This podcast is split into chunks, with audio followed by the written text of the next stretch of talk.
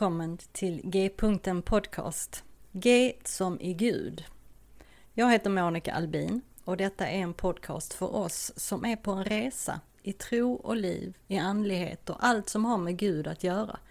Vad nu Gud betyder för oss. En öppen atmosfär där inga frågor och funderingar är dumma och där vi tillsammans ska få vidga vyerna. G-punkten betyder att Gud är mittpunkten, i centrum av samtalen och genomsyrar allt och alla. Och därifrån är vägarna öppna att fortsätta framåt och utforska nya vyer.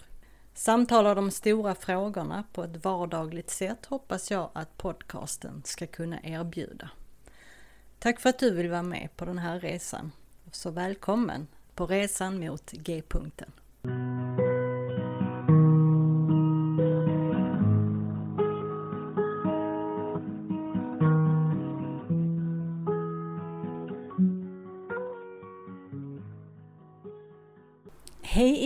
Välkomna tillbaka till G-punkten Podcast. I dagens avsnitt pratar jag med Diana Butler Bass. Hon är bland annat författare och populär föreläsare och inspirerande predikant. Hon brinner för att dela bra idéer för att förändra människors liv och världen och hon skriver böcker som hjälper läsare att se sig själva, sin plats i historien och Gud på nya sätt. Diana delar sin berättelse och sin trosresa och så pratar vi om hennes senaste bok Freeing Jesus. Som också finns att lyssna till på Storytel. Det här är väldigt trevligt samtal. Eh, jag blev jätteglad när hon ville prata med mig. Och det kommer ni nog att höra också. Och jag hoppas att ni får lika mycket glädje av det som jag fick. Så välkomna att lyssna. So welcome to G-punkten podcast, Diana. Well, thank you. I'm glad that we could finally make this happen. Yeah, it's so nice of you to want to be my guest. Is this your first Swedish podcast or has there been it, others? It is. Yay. I'm very excited. Have you been to Sweden ever? I have not been. No. No. In, in recent years, though, I've done some work on my ancestry. Yeah. And I was very surprised to discover that about 10% uh, of my DNA mm. uh, comes from Scandinavian region. Yeah. Well. So I apparently have an ancient family connection. yeah. but I have no idea how. I always thought that I was, you know, basically German descent American. And then I find out that I have Scottish and Swedish mm-hmm. uh, stuff. So I imagine the Swedes might have actually even come through Scotland. that's that's very possible. Yeah, yeah. Indeed. Well, okay. Well, I'm not sure that um, my listeners uh, all know who you are. Mm-hmm. So would you just please introduce yourself briefly, who you are, where you live, your family? Yeah. My name is Diana Butler Bass and I am an author who writes about religion, um, mostly uh, here in the United States. But my sort of attentiveness is to what's going on with the changes in Christianity around the world and how that has an impact on our lives locally wherever wherever we happen to live mm-hmm. and so i've written 11 books i was a mm-hmm. college professor for 14 years I have spoken at uh, churches and conferences around around the world. Um, sadly, as I just mentioned a moment ago, not yet in Sweden. I'm I've been doing this work uh, for about uh, 25 or 30 years now. So mm-hmm. this has been really my adult life work. And I'm married to uh, Richard Bass. We just celebrated our 25th wedding anniversary. Oh, congratulations. Yeah, and we have a beautiful daughter uh, named Emma, mm-hmm. who is heading to law school um, mm-hmm. here in mm-hmm. the United States. And we live outside of Washington, D.C., in a okay. suburb called Alexandria. It's in Virginia, the state of Virginia, right across from the nation's capital. Okay. Well, you are a famous person, at least in uh, religious circles. My uh, daughter refers to mom as church famous. Yeah. yeah. Well, I often see you and hear you on the internet. uh, especially with uh, Tripp Fuller and also with Brian McLaren. And um, well, if I wanted to, I could read your bio aloud, but um, I'd rather you tell your story in your own words. So before we talk about your book, Freeing Jesus, um, where you also talk about your your story, would you just tell us uh, about your childhood, maybe the the faith of your of your childhood, and um, wow, how and why it changed, and maybe a little about where you um, how you came to where you are today. Oh, well, thank you. Um, for people who don't know my work, one of the ways that I think I am most known in the publishing world is as a memoirist. Mm-hmm. Is that people have very uh, been very complimentary uh, to my skill in terms of that genre, and so I love writing memoir. And the reason I think that I resonate with that as a, a genre of writing is that I don't really think of of memoir as like the story of a great person. So I, I hate memoirs that start, I did this and I'm the best, and just read this book and you're going to see how great I am. that, that's not my idea of what makes a good memoir. No. Uh, to me, a good memoir is an invitation mm-hmm. um, to everyone to go more deeply into their own story. And I, I believe strongly that the more that we're connected with our own stories, the more capacity we have to listen to the stories of others. Mm-hmm. And so that's what memoir is uh, to me. It's mm-hmm. setting a table uh, for everyone to be able to experience their own life story as a gift. Mm-hmm. And then uh, creating a kind of community around words where you can share the gifts of, of one another's lives. Mm-hmm. So so that's what I I love to do. yeah, yeah, yeah. and when it comes to to my my childhood, um, I I understand my own life in a, an incredibly sort of modest way. Um, although I wound up living all across the United States in California and Arizona and uh, North Carolina, a number of different places as my life went on. Um, I was born not very far from where I'm sitting right now. Mm-hmm. Um, about 50 miles away from here in Alexandria, Virginia, is the big city of Baltimore, Maryland. Yeah, yeah. And that's where I was born. And uh, Baltimore is an incredibly interesting city in the United States that people often overlook. You know, when Europeans come to the United States, they'll go to Washington, D.C. to see the nation's capital, yeah, or they'll go to New York you know, because New York is New York, yeah. and may, maybe Philadelphia. You know, if you have some interest in American history and yeah. want to see the where the Declaration of Independence was. Yeah, yeah, yeah. but Baltimore is a city that's between uh, Washington and, and Philadelphia. And um, it's it is the northernmost city of the American South, which is kind of a strange um, strange thing. And it's in what we call geographically the middle Atlantic. Mm. And so here I was, this little girl. I was born in 1959, right in the middle of the 20th century, born in a city that's in the middle Atlantic. And I was born to um, middle class parents and uh, what I would consider to be one of the most middling of all American religious traditions, and that is uh, Methodists. Mm. Um, the Methodists were actually have a significant history in Maryland. It was a very important place uh, to Methodists. The American Methodist Church was actually founded um, in Baltimore oh, around okay. in the late 1780s, mm-hmm. and so um, it's a uh, and Methodism has been a sort of a, a, very much the the religious voice of the American middle class. It's mm-hmm. the hmm. largest mm-hmm. Protestant denomination, liberal Protestant denomination mm-hmm. in the United mm-hmm. States. So there are some. The Southern Baptists are a bigger denomination, but they're very, very, very conservative. Hmm. And so, so anyway, I always think of that as my childhood, sort of this middle middle class girl who grew up in the middle of the East Coast with uh, in a middling kind of church, um, and uh, that was both liberal and conservative. It was it was hard to ever sort of pin Methodism down other than it was just nice church.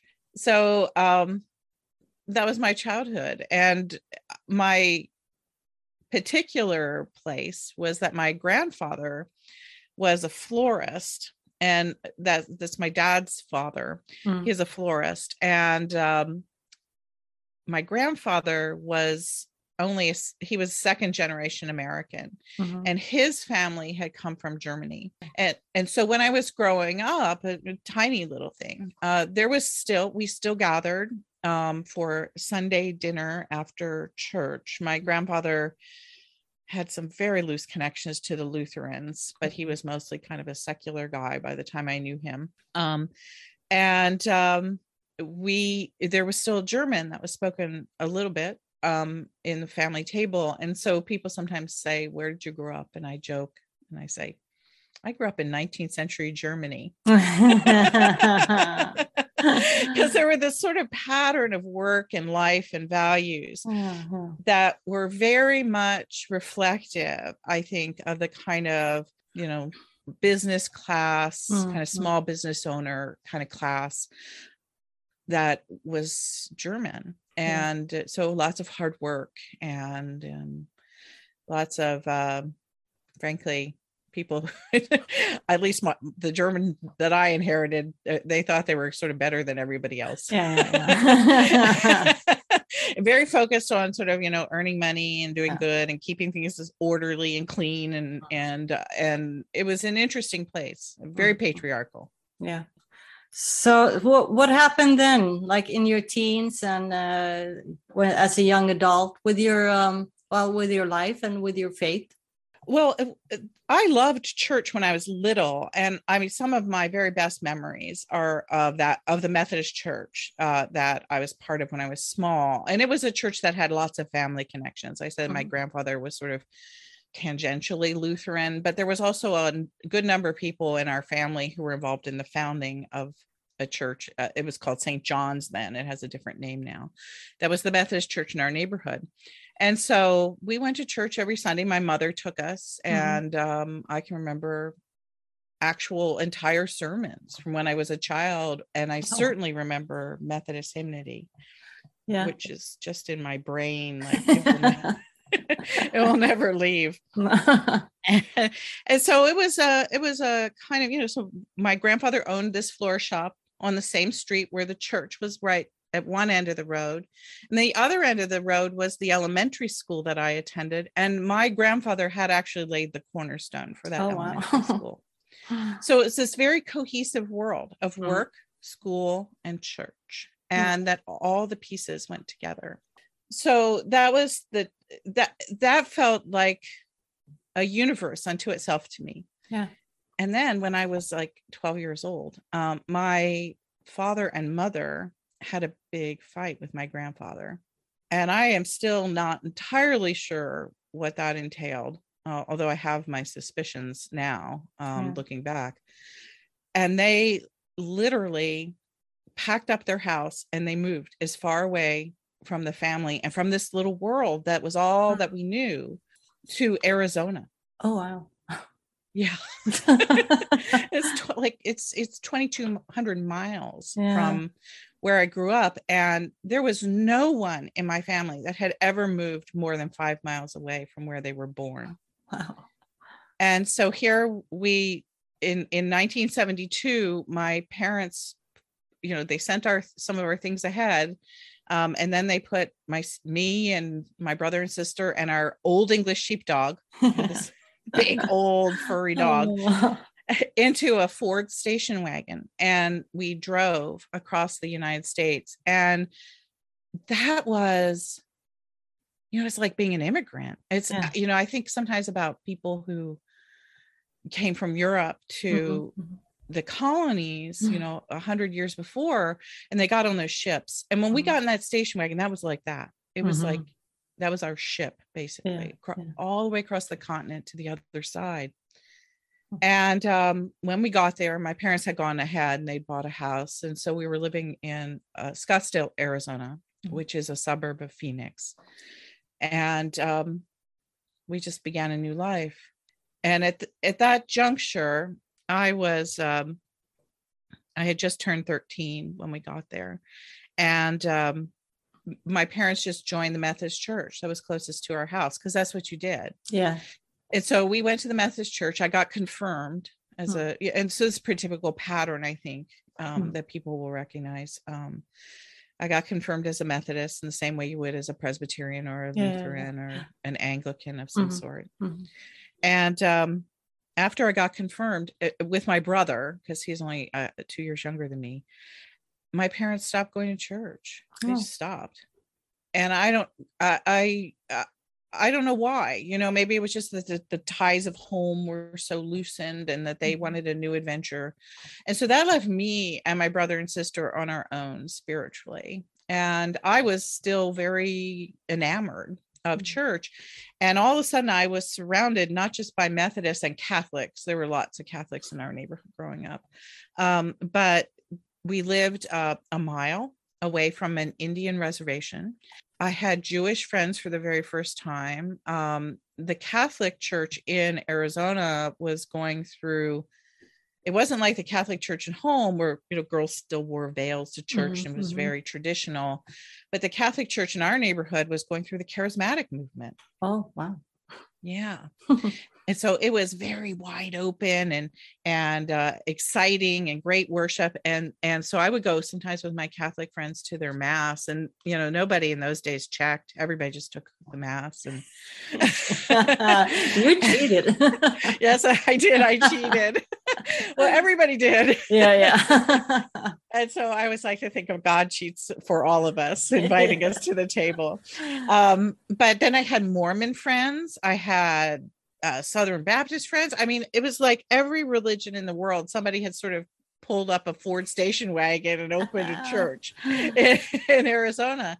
And so it was it was a really interesting time that i explored and i wound up settling of in of all places i i still you know i mean i try to come to terms with why i did this all the time but I decided that the church I liked best was a church that was what you might consider to be a soft fundamentalist type of church. They refer to themselves as evangelicals because Mhm. nobody really likes to call themselves fundamentalists Mhm, um, because it's considered to be kind of, you know, a Mm. bad word.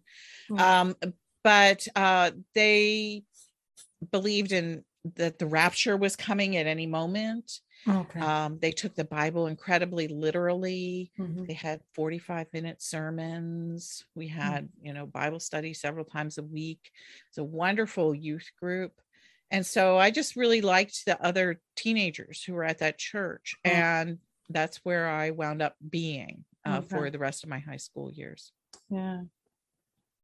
Okay, and then then you went to college, I guess. yeah And, that well, uh, those those did it all did it all like implode there or not really because um those uh folks influenced me so much uh, i mean my life was really deepened by that high school experience of church i didn't experience it as narrow until much later you know Mhm. looking back i see how it was narrow but at the time it felt very freeing because i had chosen it it was my choice yeah, yeah. you know and and i was also studying the bible on my own and uh, again i had fallen in with a group of people who sort of broke the rules Mm. and so even though fundamentalists for example don't ever believe that women should be in leadership uh, there were times when as a young teenage girl i was leading the youth group because we used to rotate leadership and so there i was leading bible studies at 16 years old Jeez. and th- that was really amazing you know Yeah. so so that was i loved that church in in so many ways and what happened after that is that i went to an evangelical christian college um and that was in california and Mhm. so i continued on in that that same community but then as as a college student and um it was very I, I loved my years um, Mhm. in at the evangelical college, and I write about that in Freeing Jesus. Yeah. And from that place, I then went on to a seminary, theological seminary, another evangelical uh, school, Okay. this time in Massachusetts. And um, it wasn't until I got into my PhD work that it all really started falling apart for me. Yeah.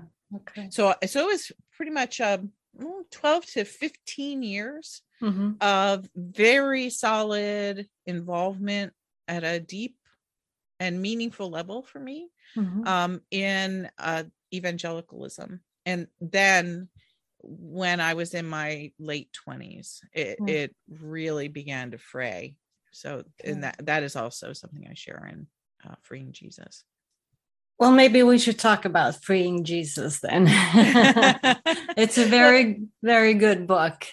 But thank you. Yeah. And uh, I, I wrote down here that maybe we can start by you telling us about that time Jesus asked you to spring him from the slammer.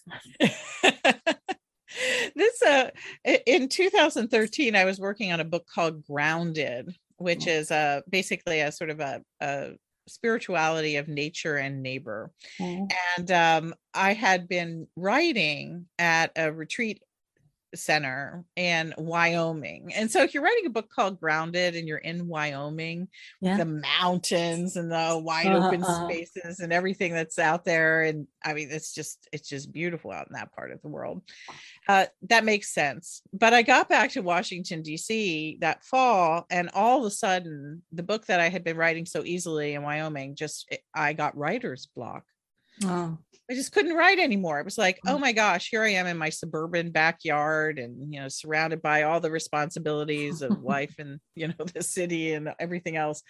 So I would try to write and I couldn't. And and I thought, oh, this is terrible. I gotta get I gotta get working on this project. And so I thought, oh, I know what I'll do. Uh, I'll just go someplace where I can really pray and sort of let Mhm. my spirit kind of. Out again and uh and so i went up to the washington national cathedral and that church i'm sure you know if people visit washington lots of people go there Mm. um it was built more than a 100 years ago and it's um you know, an american version of a gothic cathedral okay. it's one of the largest churches in the Yeah. United States. It's Yeah. actually one of the largest churches in the world. And it's it's way up on this hill in Washington D.C. It's it's a it's a really lovely space. And um so I went into the cathedral and because um, I'm here with you in Sweden, everybody knows what these buildings are like. yeah, yeah, yeah. they're they're the spaciousness of them Mhm. is is always amazing and so so i walked into the cathedral and i went into one of the side chapels is a favorite place of mine to pray. It's a little chapel called the chapel of the holy spirit. And above the altar in that chapel is this beautiful painting by the artist nc wyeth um, who was part of uh, the kind of um, neo Gothic revival painting movement of the early of the early 20th century. So that painting was done around 1900, and it's this beautiful painting of Jesus. Mm. Jesus is all in blue, surrounded by gold. There's all these angels right around Jesus, and um, I was there praying. And this picture of Jesus is right above in front of me. Uh, And so um, I was kind of yelling at God, you know, it's, why can't I get this done? I hate being a writer. That why is this life so hard all the time? I, you know, kind of fussing the the prayer of fussing with the Lord. And um all of a sudden I heard this voice. It was like an out loud voice. And the voice said, Get me out of here. And I I looked around because I thought, well, maybe somebody else is in the cathedral and they're Mhm. talking. And I looked and I couldn't see anybody. And so I went back to my prayer, more fussing at God. And a second time, I heard the same exact voice, get me out of here. And at that point, I I looked up at the painting and I said, Jesus, is is that you? And, and then, just like in the Bible, I swear, the third time I heard the voice, get me out of here. Mm. And uh, that was just a shock to me um and uh i i didn't know what to do Uh, and so I I I looked around again. There was a priest at this point coming down the long aisle of the of the cathedral, and I did not want to be anywhere near a talking Jesus painting and a priest at the exact same time. And so I got up from the altar and I ran out of the the cathedral, mm-hmm. jumped in my car, came home. This is in 2013. I didn't tell anybody except for my husband. And at that point, uh-huh. uh, Richard just laughed and he he came up with that phrase that you use at the beginning. Uh-huh. He refers to that episode as the time Jesus asked you to free him from the slammer, spring him from the slammer. Spring him from the slammer. oh, that's good. Well, in, in your book, Freeing Jesus, you say that you've known uh, you haven't just known one jesus uh, over the years. Well many people might think that's weird or how is that even possible? Because doesn't the bible say that jesus christ is the same yesterday today and forever? Yeah and, and we're not. Right. We just we change all the time. Yeah. And so um you know i I, I think that the that episode, you know, so I didn't write about it for almost, you know, what was it, eight years later is mm-hmm, um, when mm-hmm. Freeing Jesus came out. Uh, you know, the episode was really confusing because the question is, what does Jesus need to be freed from?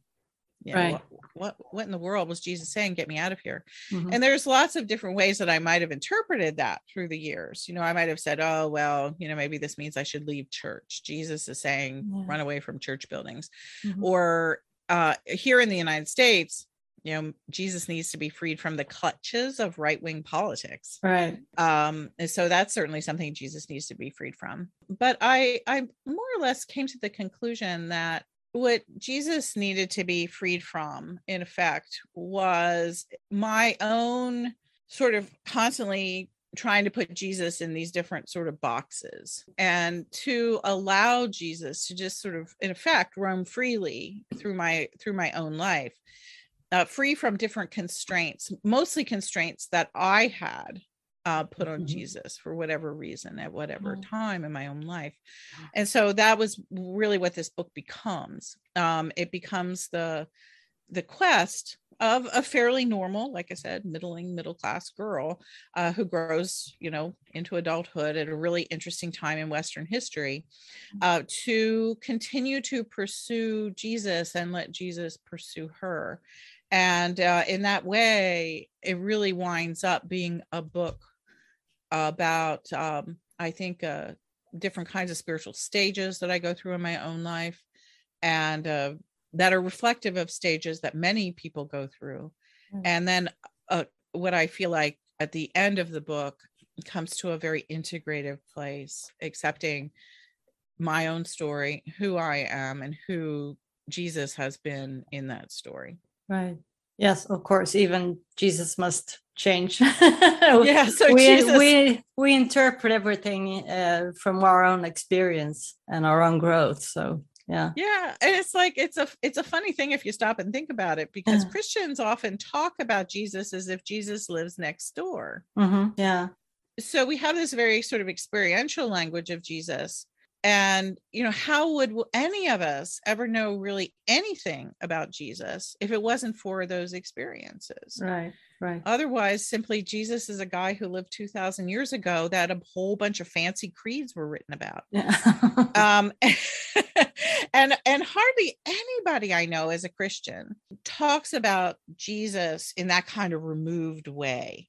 Is that almost every person I know who takes Christianity seriously in any religion, any version of Christianity that I've ever met anyone, there always winds up being this level of personal experience and intimacy that even the most traditionalist sort of Christian falls into. And so mm-hmm. to really hold on to that, to, to lift that up and say, that experience, those experiences count. And that's mm-hmm. really how the church has known Jesus. Yeah. Jesus has been known through the experience of God's people through all these centuries. And so, so I really, um, uh, one of the things I hoped in this book was that people would take their own experiences as really important uh, sort of wells of theological Mm. possibility. You know, it's, Yeah. a, it's that you are a theologian in effect Mm. in your own life. And that theology needs to be held in tension with the theology of the rest of God's people, the theology of the creeds, the mm-hmm, theologies of the mm-hmm. Bible, themselves, the theology of the Bible itself.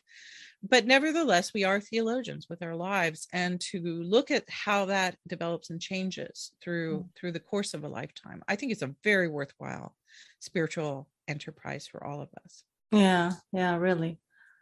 Well, you have six descriptions of Jesus that stand out. Uh, it's friend, teacher, savior, adored, way, and presence. Yes. And I was thinking maybe we could talk a little about each of these and what part of your life you met Jesus in each in a particular way. And now I want people to buy your book, so don't reveal everything, but just a brief description of each one, maybe, and um, how uh, maybe how you see it today, also. Yeah. Um, it's actually fairly straightforward. Um, is that when I talk about Jesus as friend, that's my earliest life experience. Mhm. Um, because I happened to be born in a Christian family and we attended church all the time when I was a little girl. I have lots of memories of Jesus before I could even read, sitting in Sunday school classrooms, being in the big church with my mom, learning the hymns by by list Mhm. repetition, not by reading them in a book. And so, in that universe, um, the strongest image of Jesus that emerges for me is Jesus as my friend. So, in the same way that my dolls were my friends, or had like an invisible friend, or my actual little kid friends, Jesus was just part of that circle of friendship. Yeah. And it's a very beautiful image and one t- that we i think later too often dismisses juvenile Mhm. because what i do in each chapter and and this is the only one that i'll talk about it specifically because it'll give your re- your listeners a, a sense of how the book sets it up. I i rehearse i you know i repeat that that those memories. So there's in that first chapter i try to capture the voice of a three-year-old you know how i remembered jesus sitting in sunday school or playing with my dolls or what the manger scene looked like to me as a little child. So i tell those stories with as closest to what i can get as a voice of wonder of a three-year-old.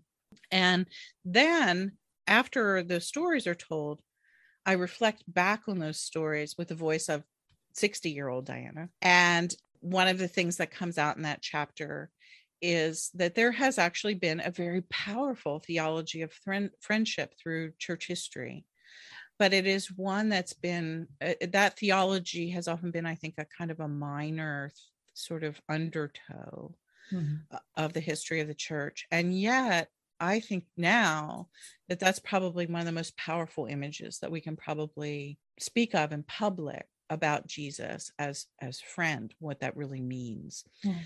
so so that's how every chapter proceeds there's the image and the memories which i try to tell with as much sympathy and in a voice that is that i can closely recreate to what it was like then the chapter then arcs out toward now where as a person who is who has studied theology and taught theology and writes about Mhm. church history um, i can reflect back and say okay what does this mean for us as we live right now and Mm. so so that's so friend is Mhm. the first one and that's a lovely image Yes, and then we have teacher.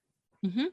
and that's that's a I think a fairly typical one of the world that i grew up in um, is that growing up in liberal protestantism uh, what's called we call that mainline protestantism here in the united states and that's the the big european named denominations presbyterian lutheran congregationalist anglican um, Yeah. methodist etc and so growing up in that tradition one of the earliest things that we learned sitting in Sunday school is that Jesus was a teacher. And Mhm. so we learned what Jesus taught and we learned how, you know, Jesus taught.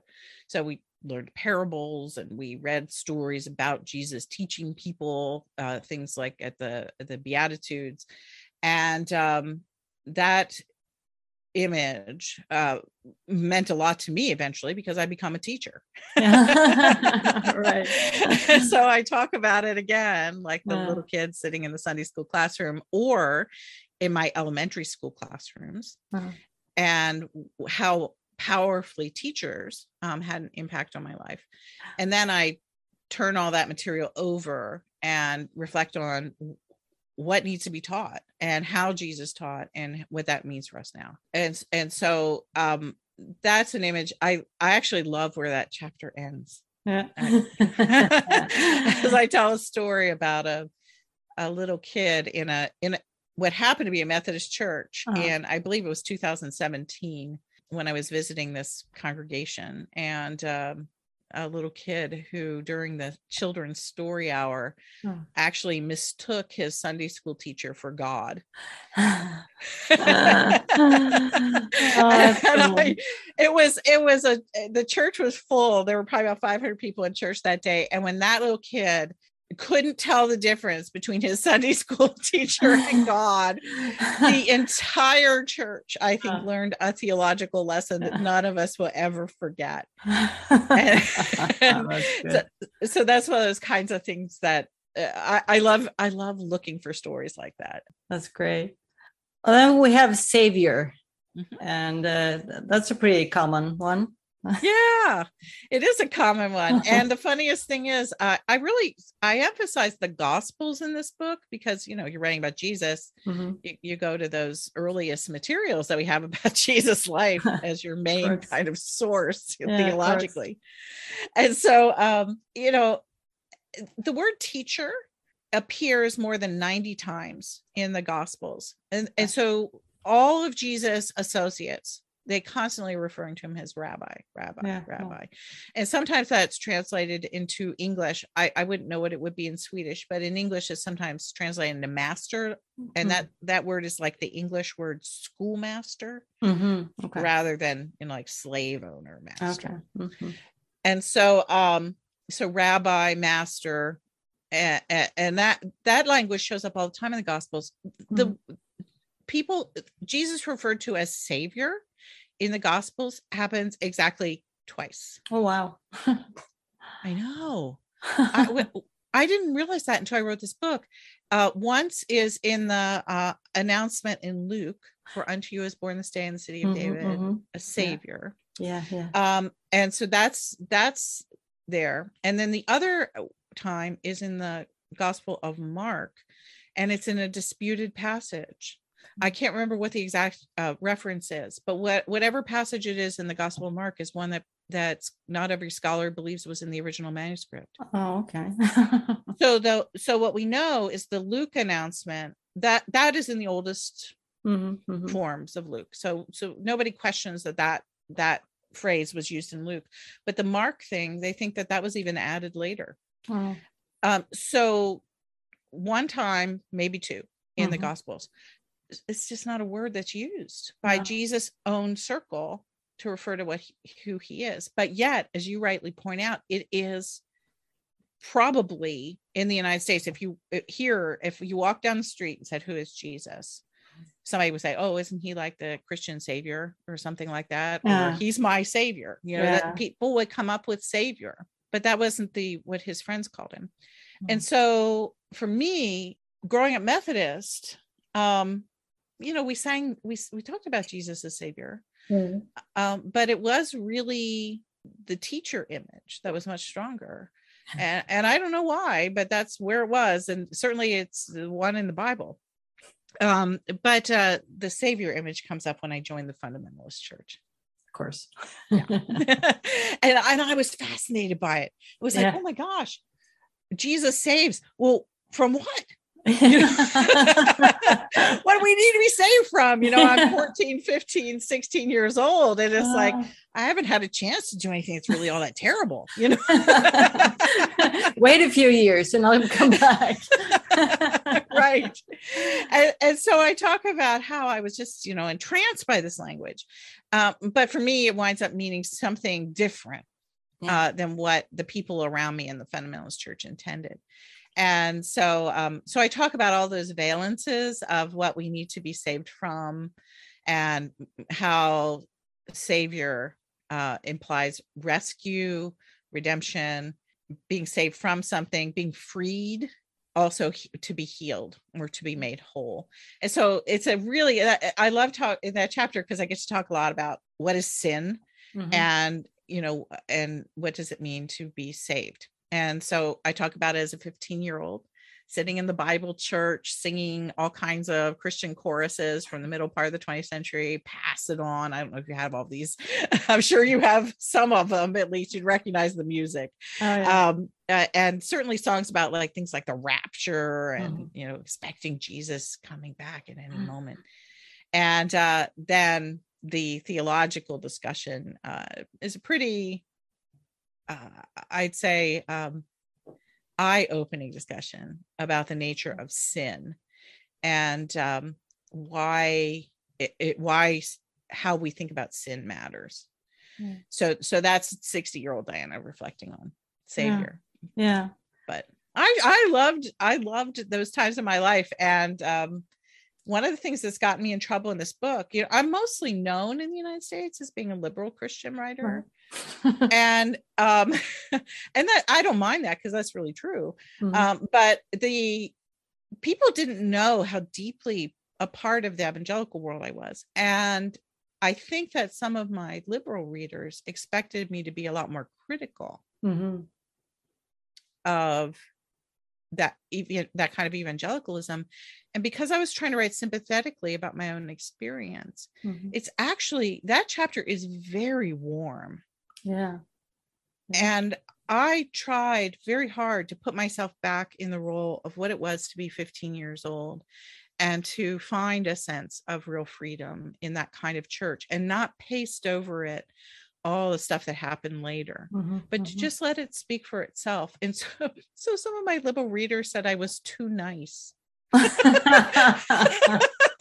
I was too nice to evangelicals in that chapter. And it's like, well, what did you want me to do? If I had been mean, I'd be being mean to myself. I mean- right, right. No, you you just did what Richard Rohr says. You include and then transcend.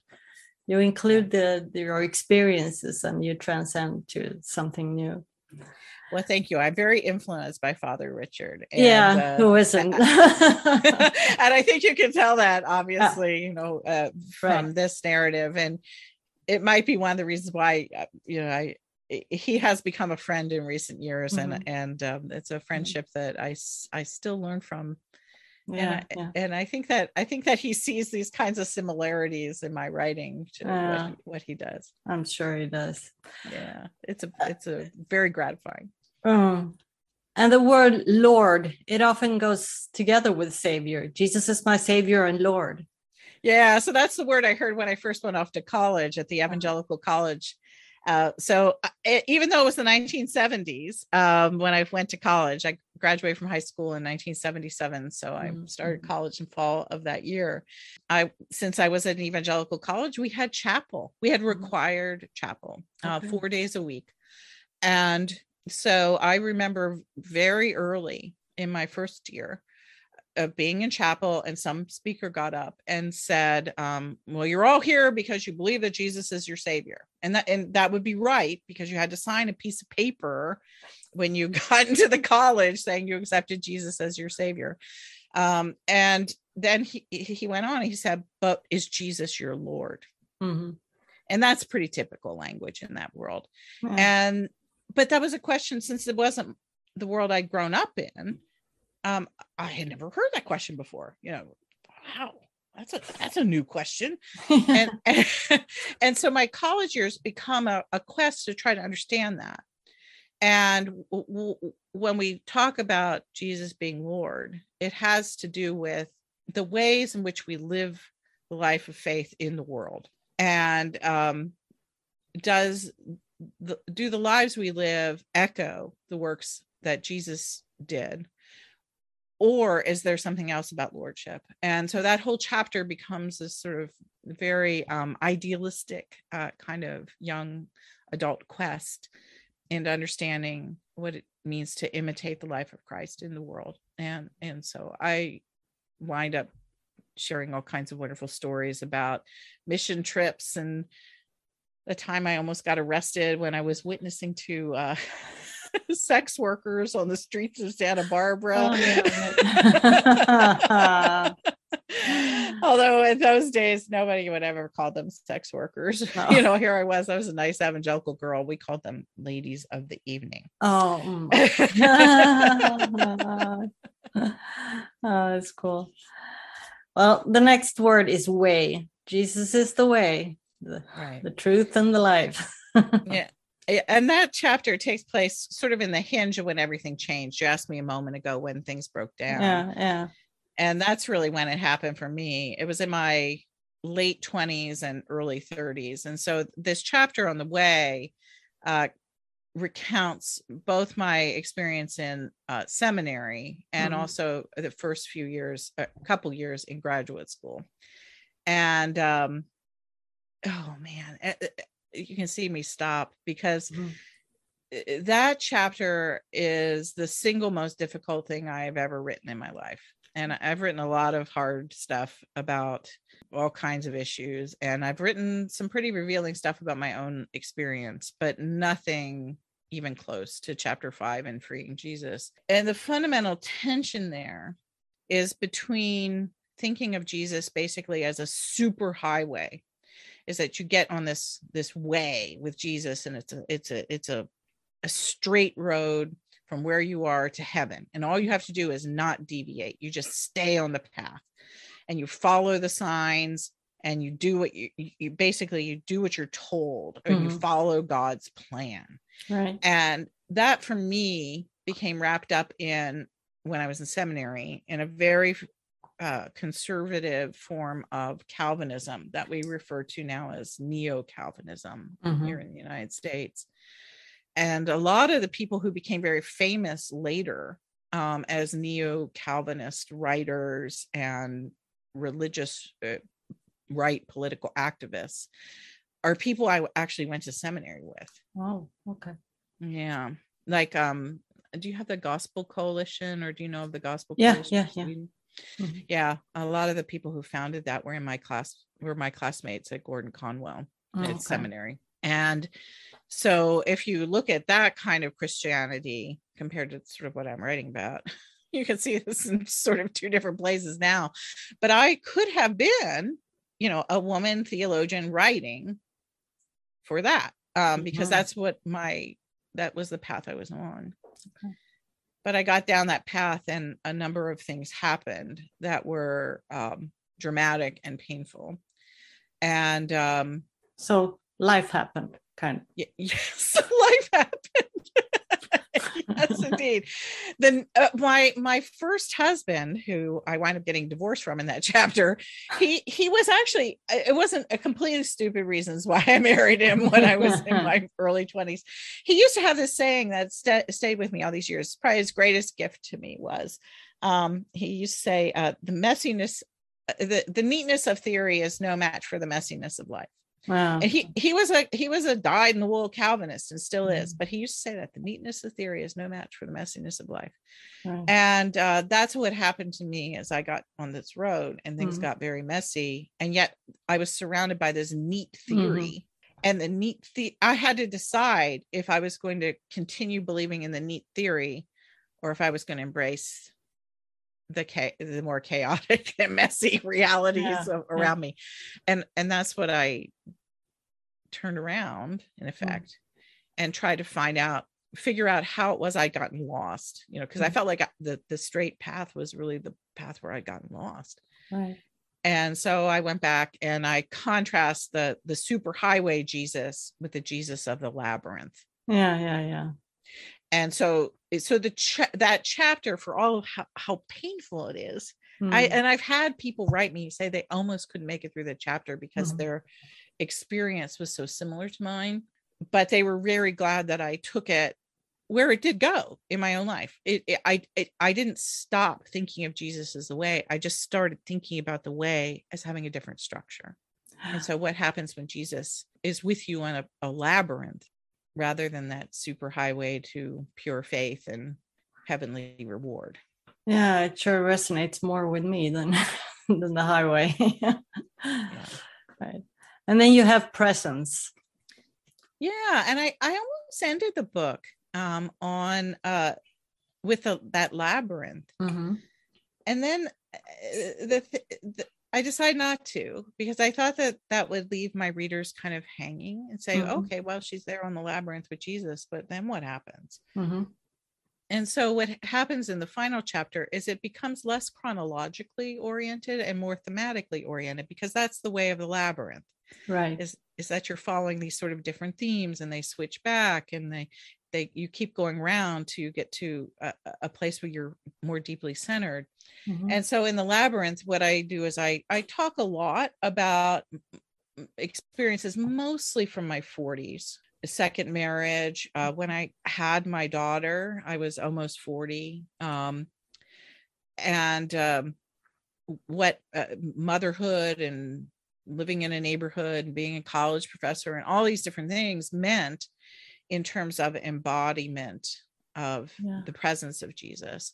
And so that chapter includes everything from the birthing room at the hospital to sitting on a porch swing at my house then in Memphis, Tennessee, to being on a retreat in New Mexico and sensing the presence of God in the Mm. in the land um, in New Mexico, looking at um, this incredible mountain rock formation Mhm. and uh, lands in what I consider to be really the center, one of the deep centering places of the New Testament itself, and that is the mystery, the Mhm. mystery of Christ. And Paul, that's where I sort of move off of the Gospels and I start. There's a lot more Paul in Mhm. the later part of the book. Um, and to me, that the idea of Paul and mystery is a is underrated in Yeah. many, many Yeah. Christian circles. I think it's really significant to Yeah. Paul. And yet we like to think of Paul as being so clear and precise and loves, you know, the, the precision and logic of Greek and all these sorts of things. I, I think that Paul at heart is a mystic. And so that's where I sort of take all of that um to to that place. So that's that's the the trajectory of the book. And then there's an ending. Um right. At the end of your book, you have Yeah. this chapter called "The Universal Jesus," and uh, Yeah. of course, I I, uh, I I thought about the Universal Christ that Richard Rohr wrote, and uh, like when I started my podcast, I I tried to get an interview with Richard, but he doesn't do very much of this Yeah. anymore. His uh, so I guess I was too late. and he I mean I love that book. And as you you noticed immediately, I was actually playing off the title. yes, my- of course. With, yes. with my last chapter. Mhm. And uh, several people asked me, why didn't you call it the Universal Christ? Mhm. And I said, well, and I do think this is one of the interesting things that, um, you know, uh, each of us as writers, each of us as theologians, we bring our own piece to the story. And while I love the language of the cosmic Christ and the universal Christ, um, and there were a lot of books the year I was writing Freeing Jesus that had the word Christ in the title, including by Rowan Williams, Jim Wallis, and Richard Rohr. Yes. Those are some pretty big names. yeah, really. and so so i realized that i wanted to keep retaining the idea of intimacy and so when i use the word christ all of a sudden it becomes very regal yeah. you know and Mhm. and the theological aspects of who jesus was are elevated and i wanted to keep that same sort of friendly intimate thread you know all the way through to the very end and so then i i talk about well you know how, how is it that this this jesus who is so intimate can also be a jesus who is is a universal presence and so Right. so that's what the the last chapter does and um i i love i love the last chapter Yeah, yeah, I do too. it's very simple and it, it's yeah it's very clear and it, it starts with a, another experiential thing Mhm. um, in 2015, I was asked to speak at the World's Parliament of Religions. And so it starts with a remembrance Mhm. of that stage and Yeah, yeah.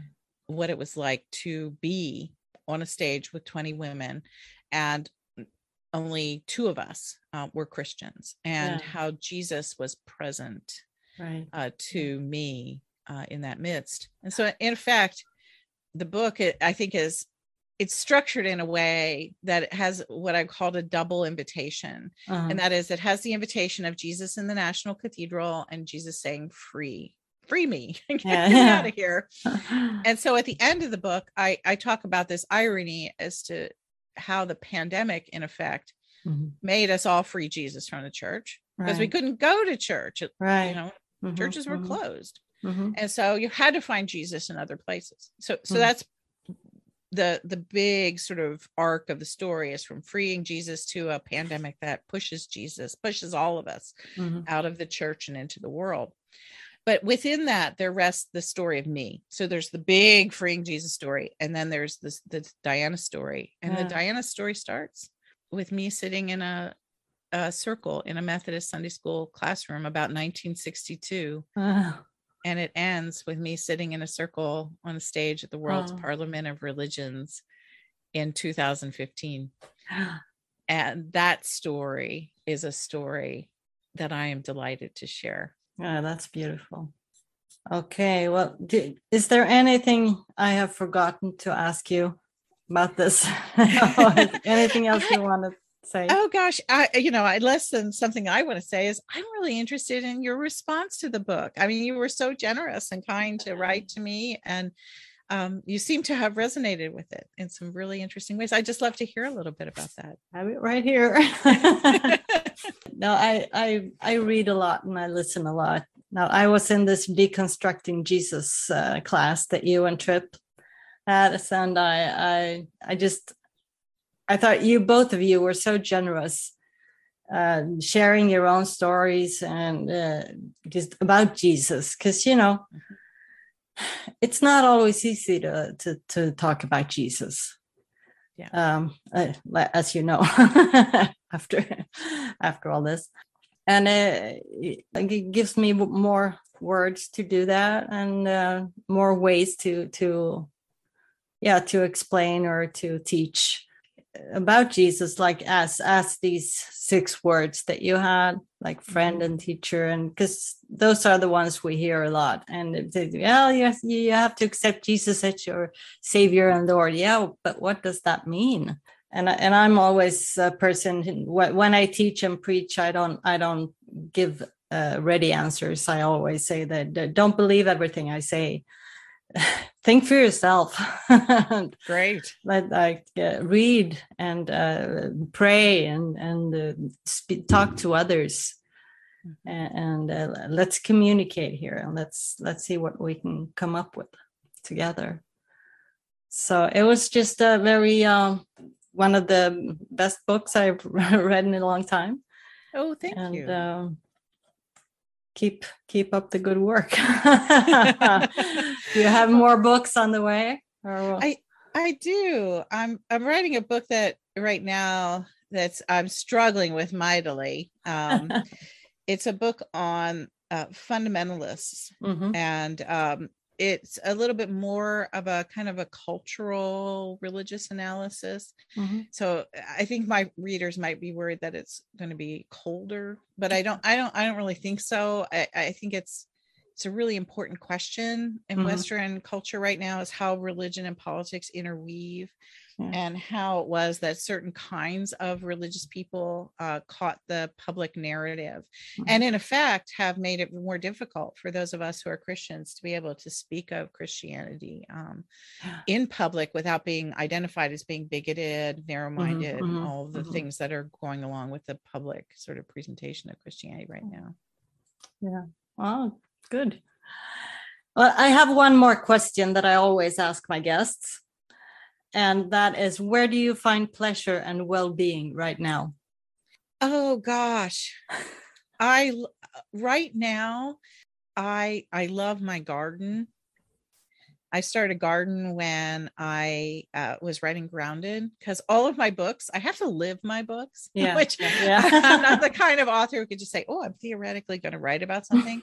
it has to emerge out of something I'm deeply connected to. So Mhm. I love I love just being in my garden I, and it's summer here in Virginia and so beautiful right now. Um, not too hot yet, and it's certainly not cold. And my flowers are blooming, and I love sitting in the backyard just with my husband in the evening Mm. and having a nice glass of wine and having a rich conversation with the man that I've been married to for 25 years. And what pleasure there is just in that. Yeah. And my my daughter gives me an amazing pleasure. Um, even though, gosh, even when they're 24, they still kind of keep challenging you as a parent. No shit. I have two I have two girls who are who'll turn 25 next month. Oh, so we have the same, basically the same age. Oh my gosh. So yes, so it's very interesting. Um, and uh, I am constantly. I mean, what one thing that gives me pleasure is learning to listen to her. Mhm. And I, I, I always think of learning to listen to my daughter as me being able to embrace the voice of the future that I won't see. Mhm. Mhm.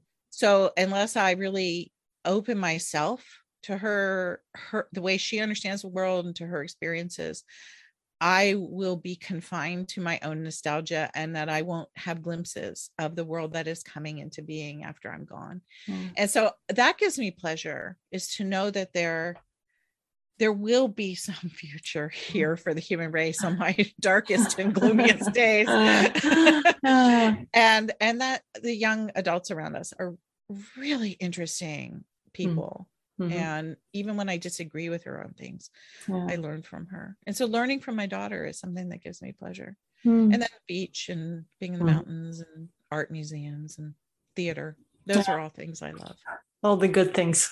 yeah all the good things well, thank you again, Diana, for wanting to do this. And uh, I'd love to have you back sometime. well you know i would love to sit in that studio with you right there and all that ikea shelves Yeah, yeah, yeah. and look at that i may not have been to sweden but my shelves were yeah, yeah, yeah. IKEA is everywhere. That's all IKEA back there. yeah, yeah. It's good for all the books we need.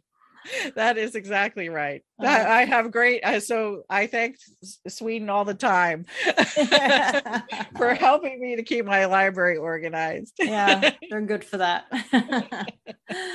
thank Well, you so much. Thank you so much and welcome to Sweden. Oh, thank you. It's a good good introduction. Ja, bye. Och där var samtalet med Diana slut. Hoppas att du tyckte det var bra och trevligt på alla sätt och att du vill antingen köpa boken eller lyssna på den på Storytel. Länk till hennes hemsida hittar du på i avsnittsbeskrivningen till det här avsnittet. Och där hittar du också länkar till podcastens Facebook-sida och blogg där du, som du gärna får följa och gilla och så vidare. Ni vet vad jag brukar säga.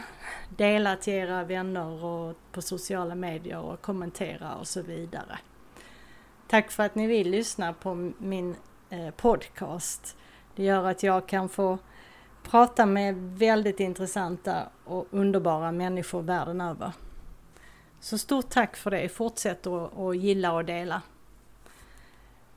Idag vill jag avsluta eh, med en bön. Vägen, sanningen och livet. Och Herre Jesus Kristus, du som är vägen, sanningen och livet. Låt oss aldrig vandra bort från dig som är vägen, inte misstro dig som är sanningen och inte vila i något annat än i dig som är livet. Lär oss genom din heliga Ande vad vi ska tro, vad vi ska göra och var vi ska vila. Det ber vi för ditt eget namns skull, Jesus Kristus vår Herre. Amen. Så hörs vi igen. Hejdå!